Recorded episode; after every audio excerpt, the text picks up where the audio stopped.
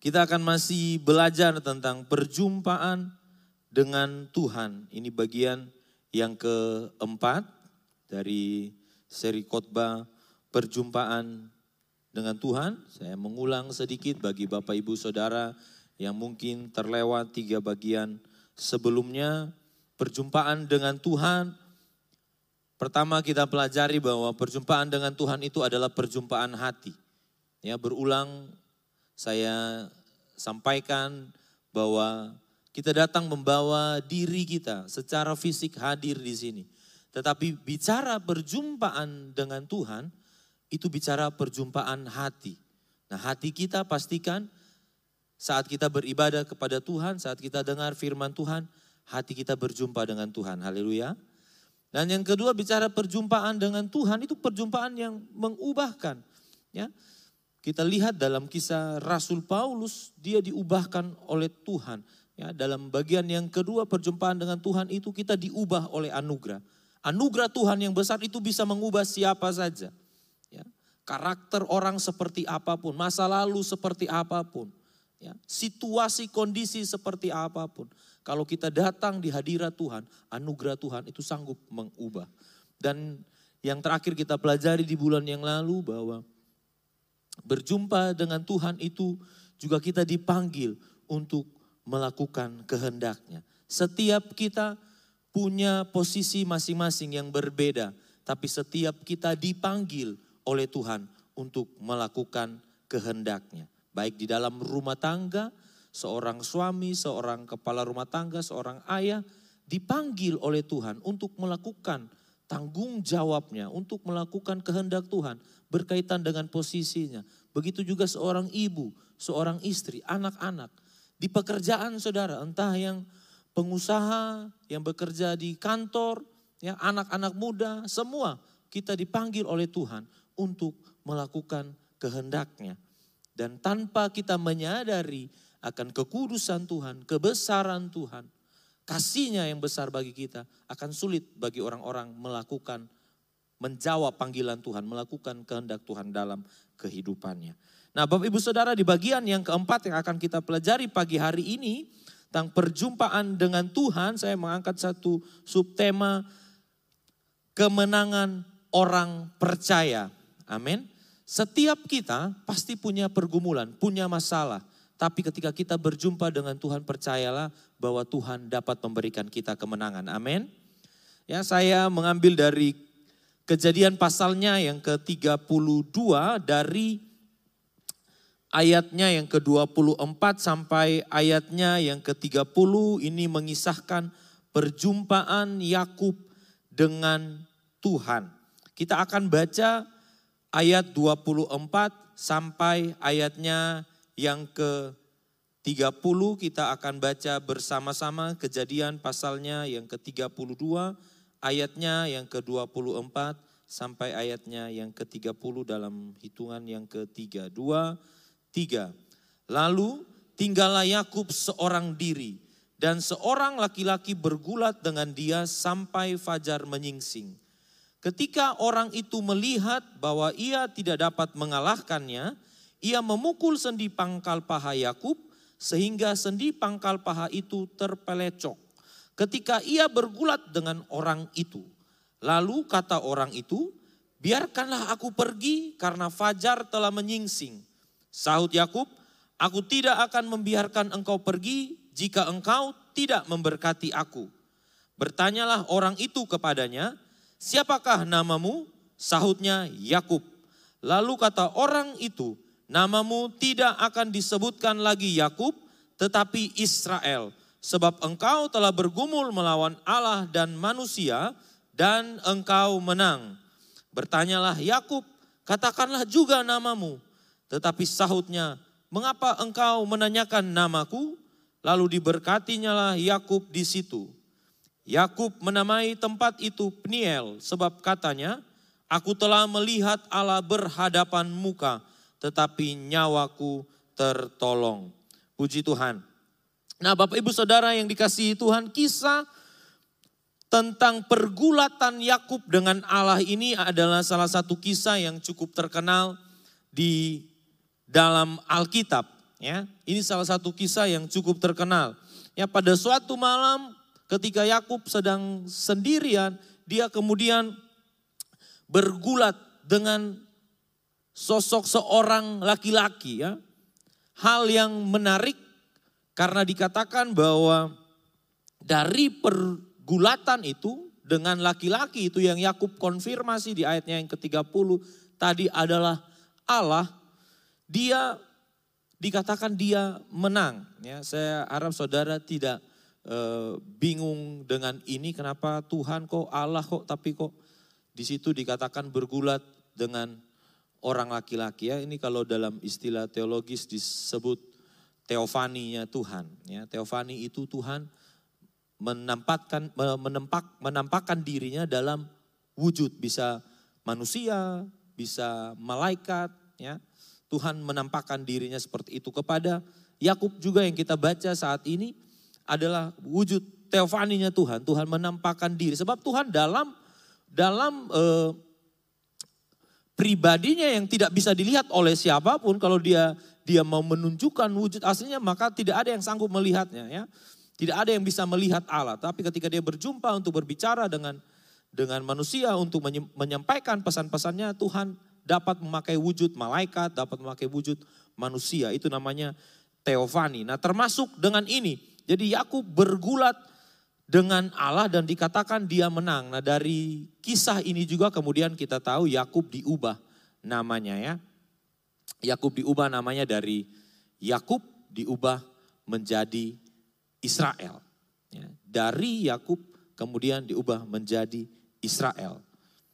Nah dari kisah ini kita akan pelajari prinsip kemenangan orang percaya. Ada tiga prinsip kemenangan orang percaya yang saya angkat dari kisah ini yang dapat kita pelajari bersama.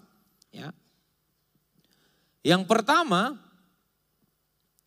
Bapak Ibu Saudara yang dikasih Tuhan kita perlu mengerti bahwa kemenangan orang percaya itu ditentukan oleh kehadiran Tuhan. Ini sesuatu yang mutlak. Kemenangan kita itu ditentukan oleh kehadiran Tuhan. Nah, latar belakang dari kisah ini Yakub sedang duduk sendirian. Kenapa dia sendirian?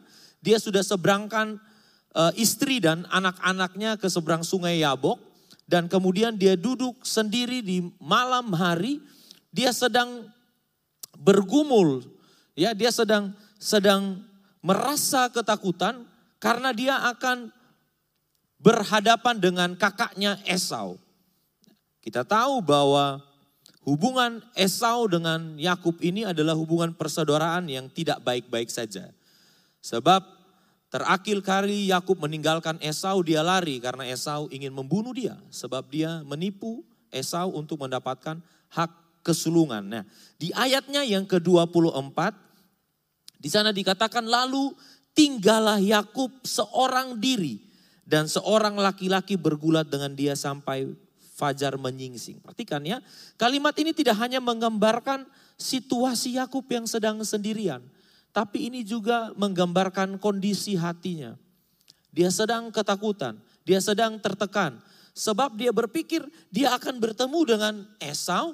Dia sudah utus hamba-hambanya untuk bawa Persembahan-persembahan ini strateginya Yakub, dia suruh bawa untuk persembahkan itu kepada Esau. Tetapi ketika hamba-hambanya pulang, mereka juga sampaikan kepada Yakub, Yakub, kakakmu Esau sedang dalam perjalanan untuk bertemu dengan engkau dan dia tidak datang sendiri. Dia datang, dia bawa 400 orang. Saudara bisa bayangkan ya, ketika hubungannya tidak sedang baik-baik saja dan kemudian utusan itu katakan, Esau sudah dalam perjalanan dan dia tidak datang sendiri, dia bawa 400 orang. Di sinilah Yakub kemudian dia berupaya, dia selamatkan keluarganya semuanya sudah dia sudah dia seberangkan tetapi kemudian dia termenung, dia terpaku, dia terdiam. Dia tertekan dengan situasi yang akan dia hadapi. Tentu pergumulan Yakub mungkin berbeda dengan pergumulan kita. Tetapi kemenangan yang dibutuhkan oleh Yakub adalah pemulihan relasi antara dia dan kakaknya. Dan di saat itu, di tengah pergumulan itu, Yakub yang sedang sendiri dihampiri oleh Tuhan. Kita perlu mengerti bahwa kemenangan dalam kehidupan kita itu ditentukan oleh hadirnya Tuhan. Amin Bapak Ibu. Kita pasti semua punya masalah. Kita pasti punya pergumulan yang berbeda masing-masing. Mungkin ada dari saudara yang datang saat pagi hari ini dan sedang hati saudara sedang khawatir. Ada yang sedang merasa takut atau yang seperti Yakub mungkin yang kehabisan akal tidak tahu harus berbuat apa lagi. Satu hal yang pasti, mari kita alami perjumpaan dengan Tuhan. Sebab kehadiran Tuhan itu yang menentukan kemenangan dalam hidup kita. Banyak orang percaya alami kekalahan-kekalahan dalam hidup. Kenapa? Karena dia Kristen, karena dia percaya, maaf dia pergi ke gereja, maaf dia pergi melayani Tuhan. Tetapi Tuhan tidak hadir di dalam hidupnya. Ini menjadi masalah besar kalau kita jadi orang percaya, tetapi Tuhan tidak hadir di dalam hidup kita. Karena apa? Kemenangan di dalam hidup kita itu ditentukan oleh kehadiran Tuhan. Tidak ditentukan dengan absensi kita di gereja.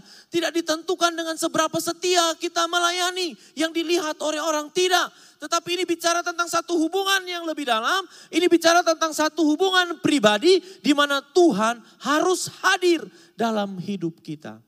Pagi hari ini, sudahkah Tuhan hadir di rumah tangga saudara? Sudahkah Tuhan hadir di hati saudara, di sepanjang kehidupan saudara sebagai orang percaya? Sudahkah saudara merasakan Tuhan hadir di hidup saudara? Kita belajar dari Yakub. Dia bergumul dalam ketakutan, dia bergumul dalam kekhawatiran, tapi dia tidak sendiri. Tuhan hadir di sana. Di dalam Roma pasalnya yang ke-8 ayatnya yang ke-31 saudara. Di sana firman Allah berkata demikian. Sebab itu apakah yang akan kita katakan tentang semuanya itu? Ya saya ambil bagian B-nya dikatakan begini.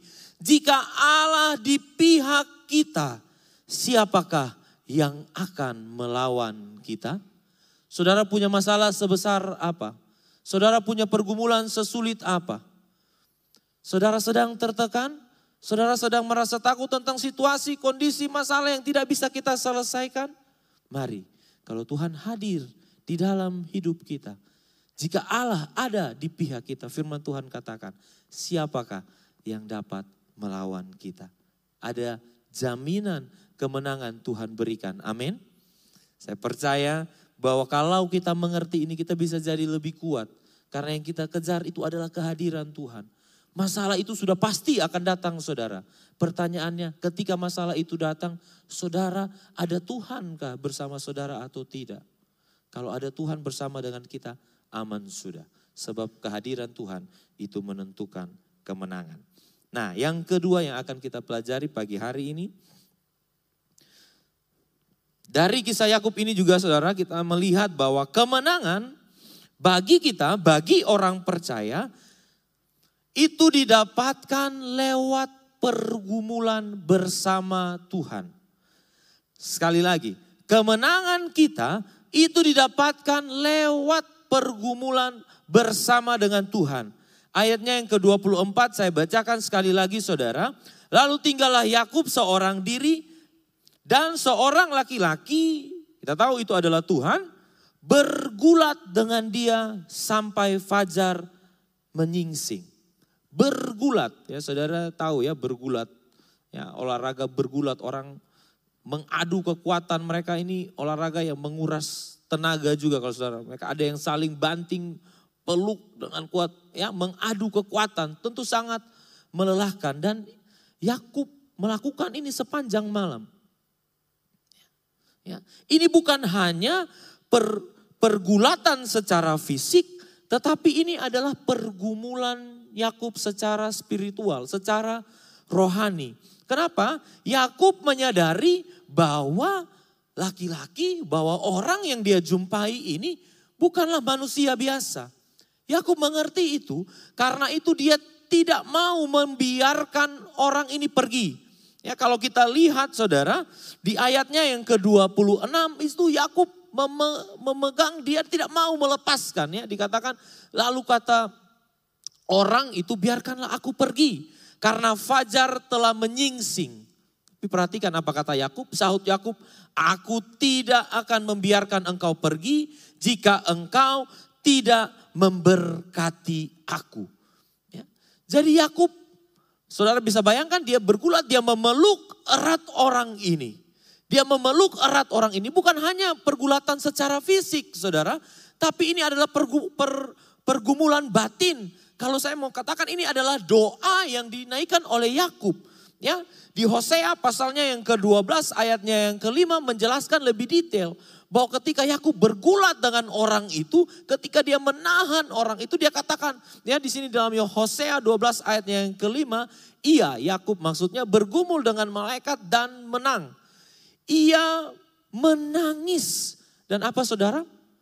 Memohon belas kasihan kepadanya. Kalau dalam ter, Alkitab terjemahan baru edisi yang kedua dikatakan dia meminta belas kasihan, dia meminta kasih karunia. Dia meminta kasih karunia. Jadi saudara bayangkan dia bergulat, dia sambil peluk, ya mungkin ada banting-bantingan di sana, tapi Yakub sambil menangis. Dan sambil menangis itu dia memohon, jangan tinggalkan aku, jangan tinggalkan aku. Tolong aku, mungkin itu keluar dari mulutnya.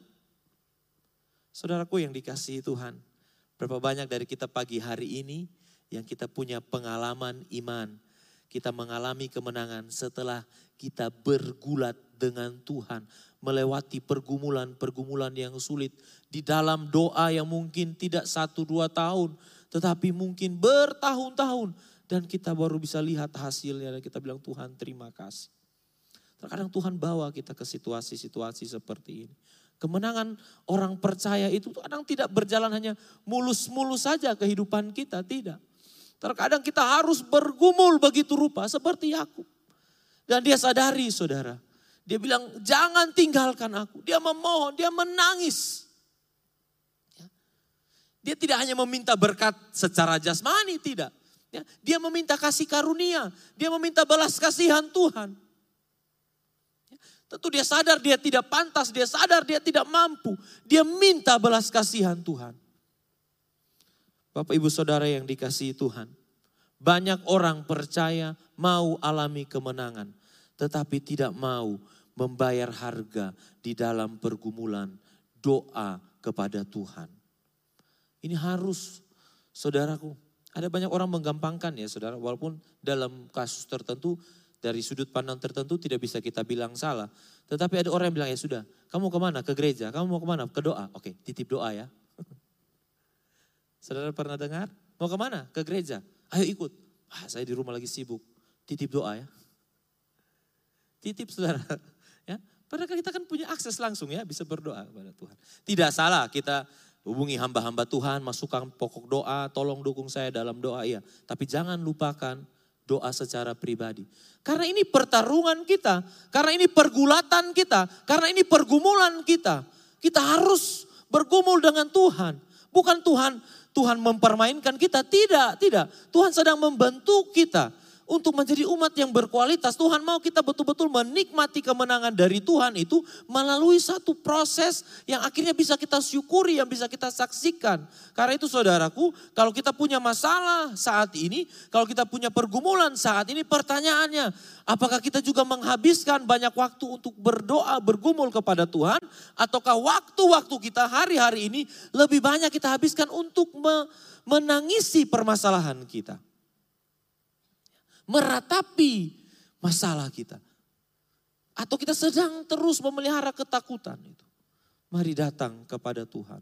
Seperti yang dialami oleh Yakub. Minta belas kasihan Tuhan. Minta kasih karunia Tuhan. Ya. Bapak ibu saudara yang dikasihi Tuhan. Pergumulan yang berat seharusnya membuat kita semakin erat memeluk Tuhan di dalam doa kita. Amin. Seharusnya masalah semakin berat, semakin erat kita mencari Tuhan, memeluk Tuhan. Saya tuliskan begini saudaraku.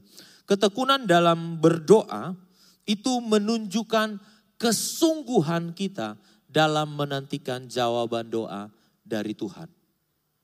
Saudara betul-betul ingin Tuhan menolong saudara? Saudara betul-betul ingin mendapatkan kekuatan dari Tuhan. Saudara ingin betul-betul ingin melihat bagaimana cara Tuhan bekerja menyelesaikan permasalahan dalam kehidupan saudara. Mari kita bertekun di dalam doa. Sebab kalau kita berhenti berdoa, pertanyaannya apakah kita betul-betul ingin melihat Tuhan menjawab doa kita? Apakah kita sungguh-sungguh ingin melihat Tuhan turun tangan, campur tangan atas hidup kita? Kalau kita sungguh-sungguh, kalau kita betul-betul ingin melihat pertolongan Tuhan, kalau kita ingin mendapatkan kekuatan dari Tuhan, mari bertahan, bergumul, bertekun di dalam doa kita kepada Tuhan. Amin Bapak Ibu Saudara. Ada orang bilang begini, ngapain saya berdoa? Untuk apa saya berdoa? Bukannya Tuhan itu tahu segala sesuatu. Ada yang bilang, kamu tidak pergi doa. Eh, tak berdoa juga Tuhan sudah tahu toh. Tidak usah berdoa lah. Tuhan sudah tahu. Bapak ibu saudara yang dikasihi Tuhan, kita berdoa bukan untuk memberitahu Tuhan. Bukan karena Tuhan tidak tahu masalah kita, kemudian kita berdoa karena kita ingin Tuhan tahu masalah kita. Bukan. Kita berdoa karena kita ingin Tuhan terlibat dalam apa yang sedang kita gumulkan. Amin. Tuhan tahu segala sesuatu. Tuhan tahu segala sesuatu. Dia tahu, bahkan lebih tahu dari apa yang kita rasakan. Lebih tahu dari kita secara pribadi mengalami masalah itu.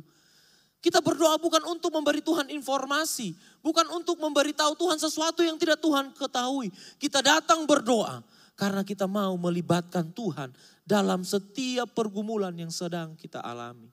Tuhan, tolong saya, tolong saya. Ya, ini makna pergulatan ini, saudara. Dan kalau kita lihat apakah Yakub kemudian dia menang?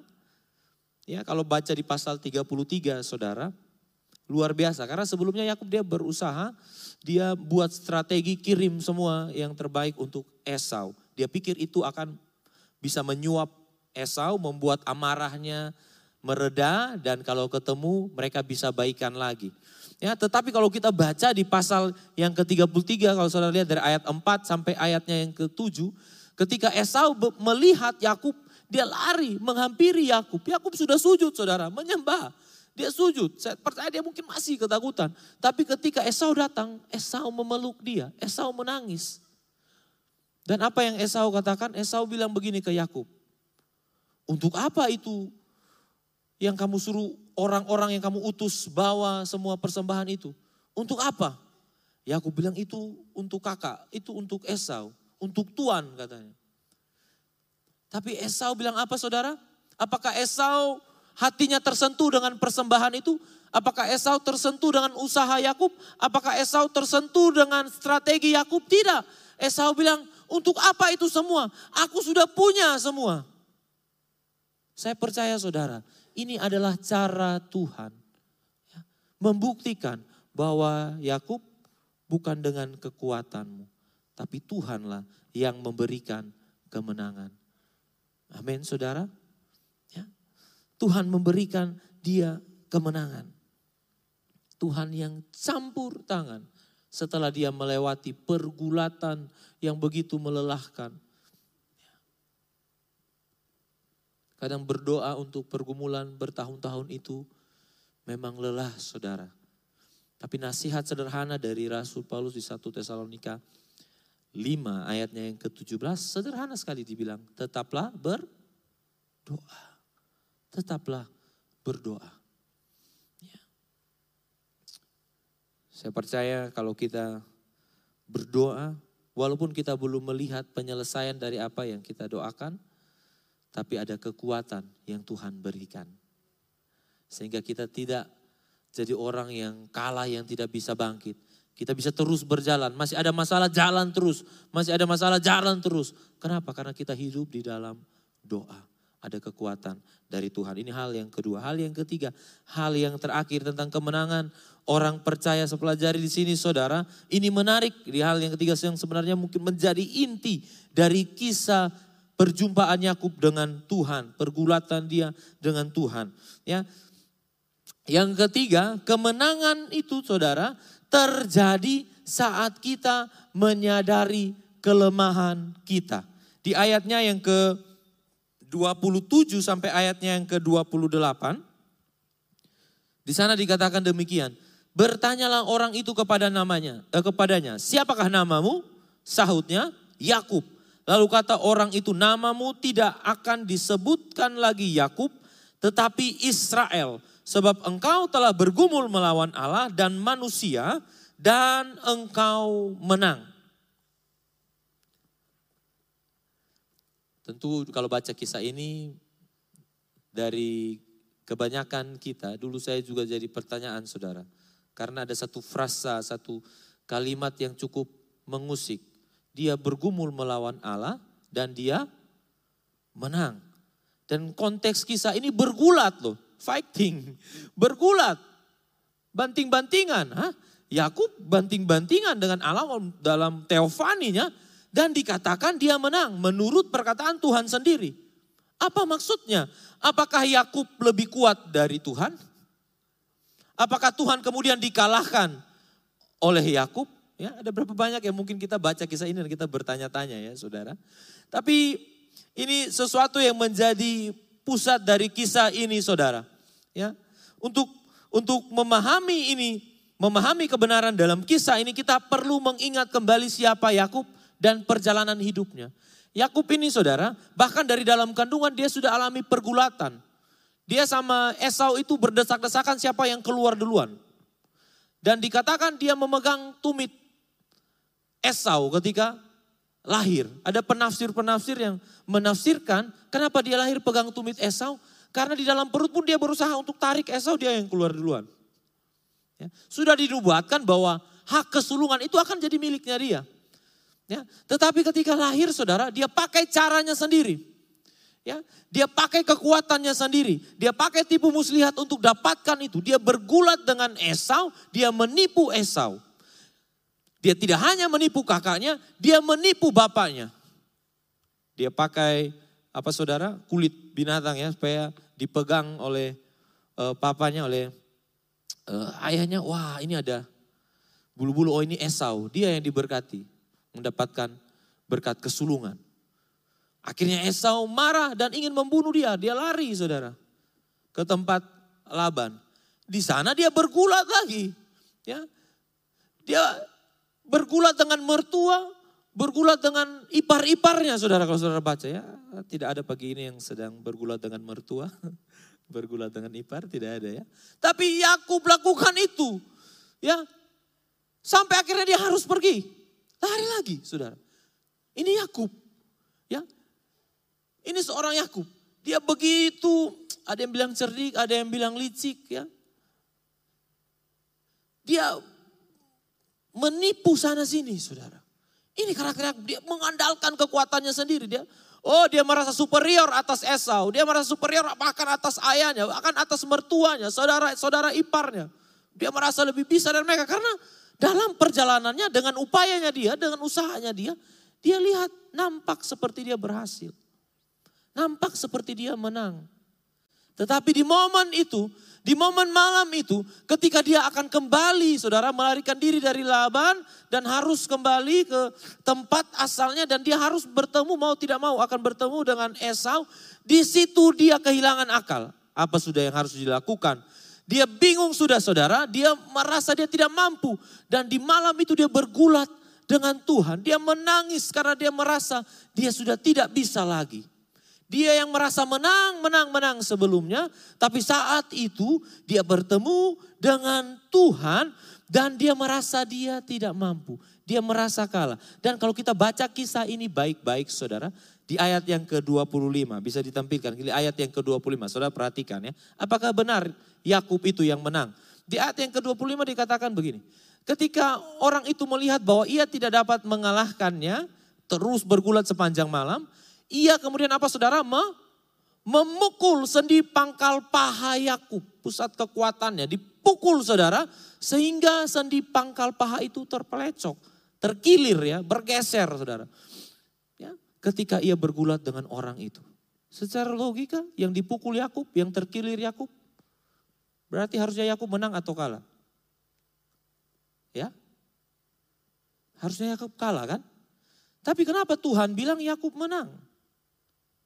Ini penting bagi kita. Dalam perjalanan tadi, Yakub selalu merasa dirinya menang dengan cara-caranya dia menipu sana sini, cara-cara yang tidak berkenan di hadapan Tuhan, dia lakukan, lakukan, lakukan, mengandalkan kekuatannya sendiri. Bergulat dengan Esau, bergulat dengan papanya, bergulat dengan Laban, bergulat dengan ipar-iparnya. Wow, terus dia lakukan itu saudara, dia merasa dia menang. Tapi ketika dia menang di mata Tuhan dia kalah. Sebaliknya di kisah ini, ketika dia kalah saudara, di mata Tuhan dia menang. Amin saudara. Ya.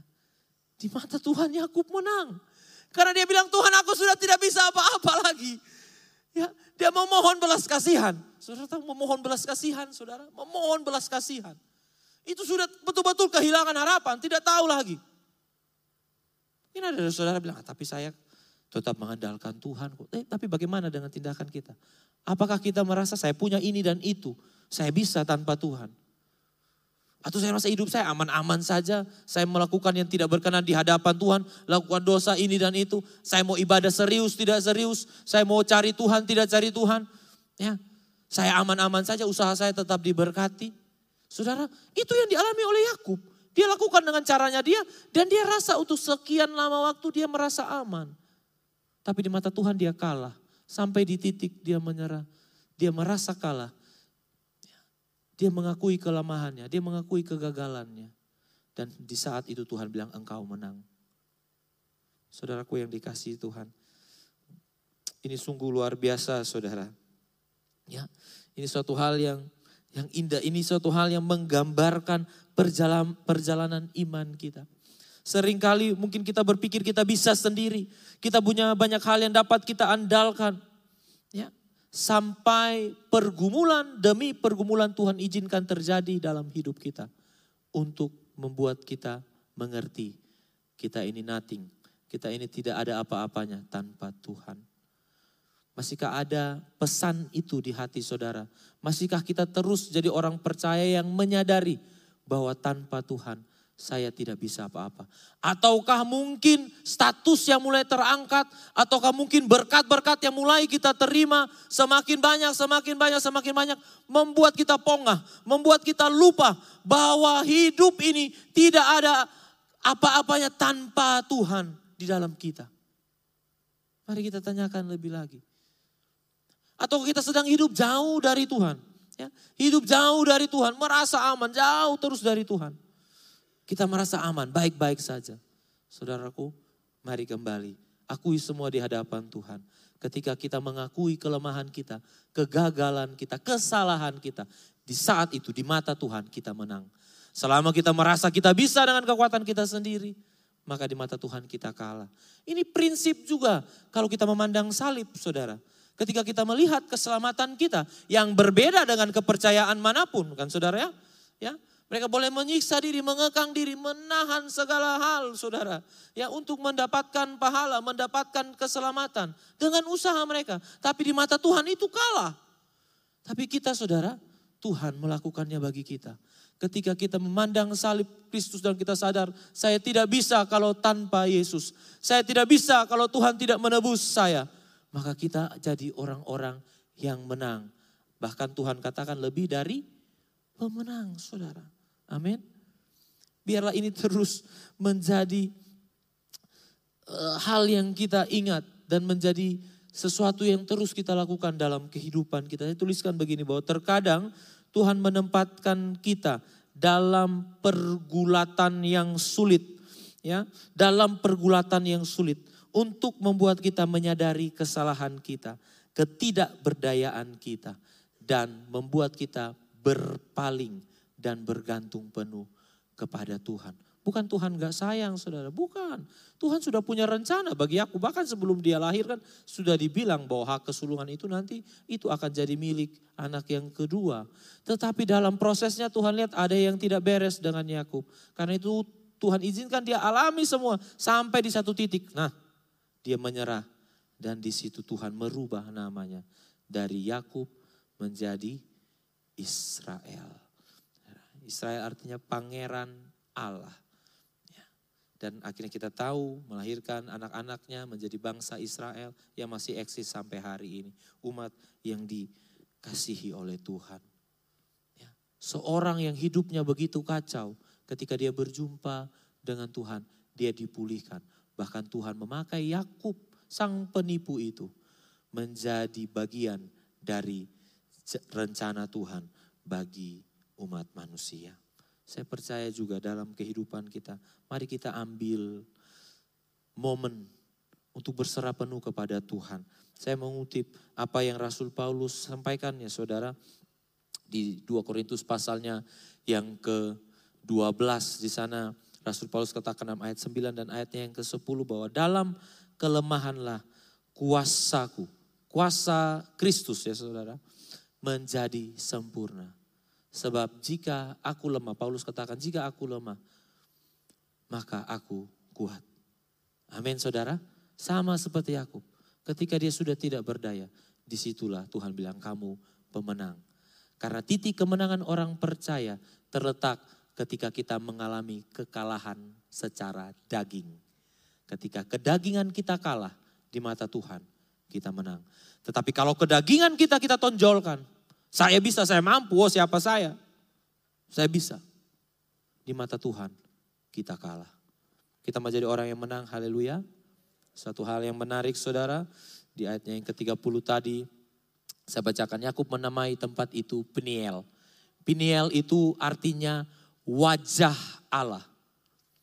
Yakub sadari ya, Peniel itu adalah tempat dia namakan tempat itu sebagai wajah Allah. Dia katakan bahwa aku telah melihat Allah berhadapan muka, tetapi nyawaku tertolong. Luar biasa saudara. Orang kalau bertemu Tuhan bahaya. Saya sudah bahas di yang ketiga di di seri yang ketiga bulan lalu ya saudara. Tetapi aku menyadari ini. Peniel, wajah Allah. Wajah Allah itu mengubah dia. Wajah Allah itu memberikan dia kemenangan. Pagi hari ini kita tidak sekedar beribadah. Kita tidak sekedar datang duduk, menyanyi, berdoa. Lebih dari sekedar formalitas itu. Kita cari wajah Tuhan. Berjumpa secara pribadi dengan dia. Saya percaya Tuhan bisa berikan kita kemenangan itu. Amin Bapak Ibu Saudara. Mari kita membuka hati kita sungguh-sungguh dengan mata iman kita. Saya tidak tahu kapan terakhir kita alami perjumpaan pribadi dengan Tuhan. Selama kita menjadi orang percaya. Tapi mari alami lagi. Terus alami lagi. Buka hati. Kita bukan siapa-siapa. Kita kalah saudara. Kita kalah. Kita orang-orang yang harus kalahkan daging kita. Di mata Tuhan kita tidak bisa apa-apa. Sehingga kita bisa dapatkan kemenangan itu. Ya, saat ini Tuhan, kami mau cari wajahmu kami mau dapatkan pribadimu yang mengubah kami, yang memberikan kami kekuatan, yang memberikan kami kemenangan.